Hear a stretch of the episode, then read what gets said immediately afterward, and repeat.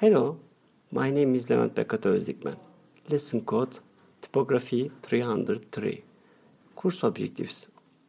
To make writing and visual research, brand development and visualization to produce original packaging designs in accordance with references.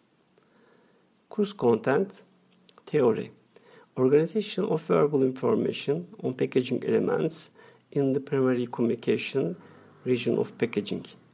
Correct typography criteria in packaging design.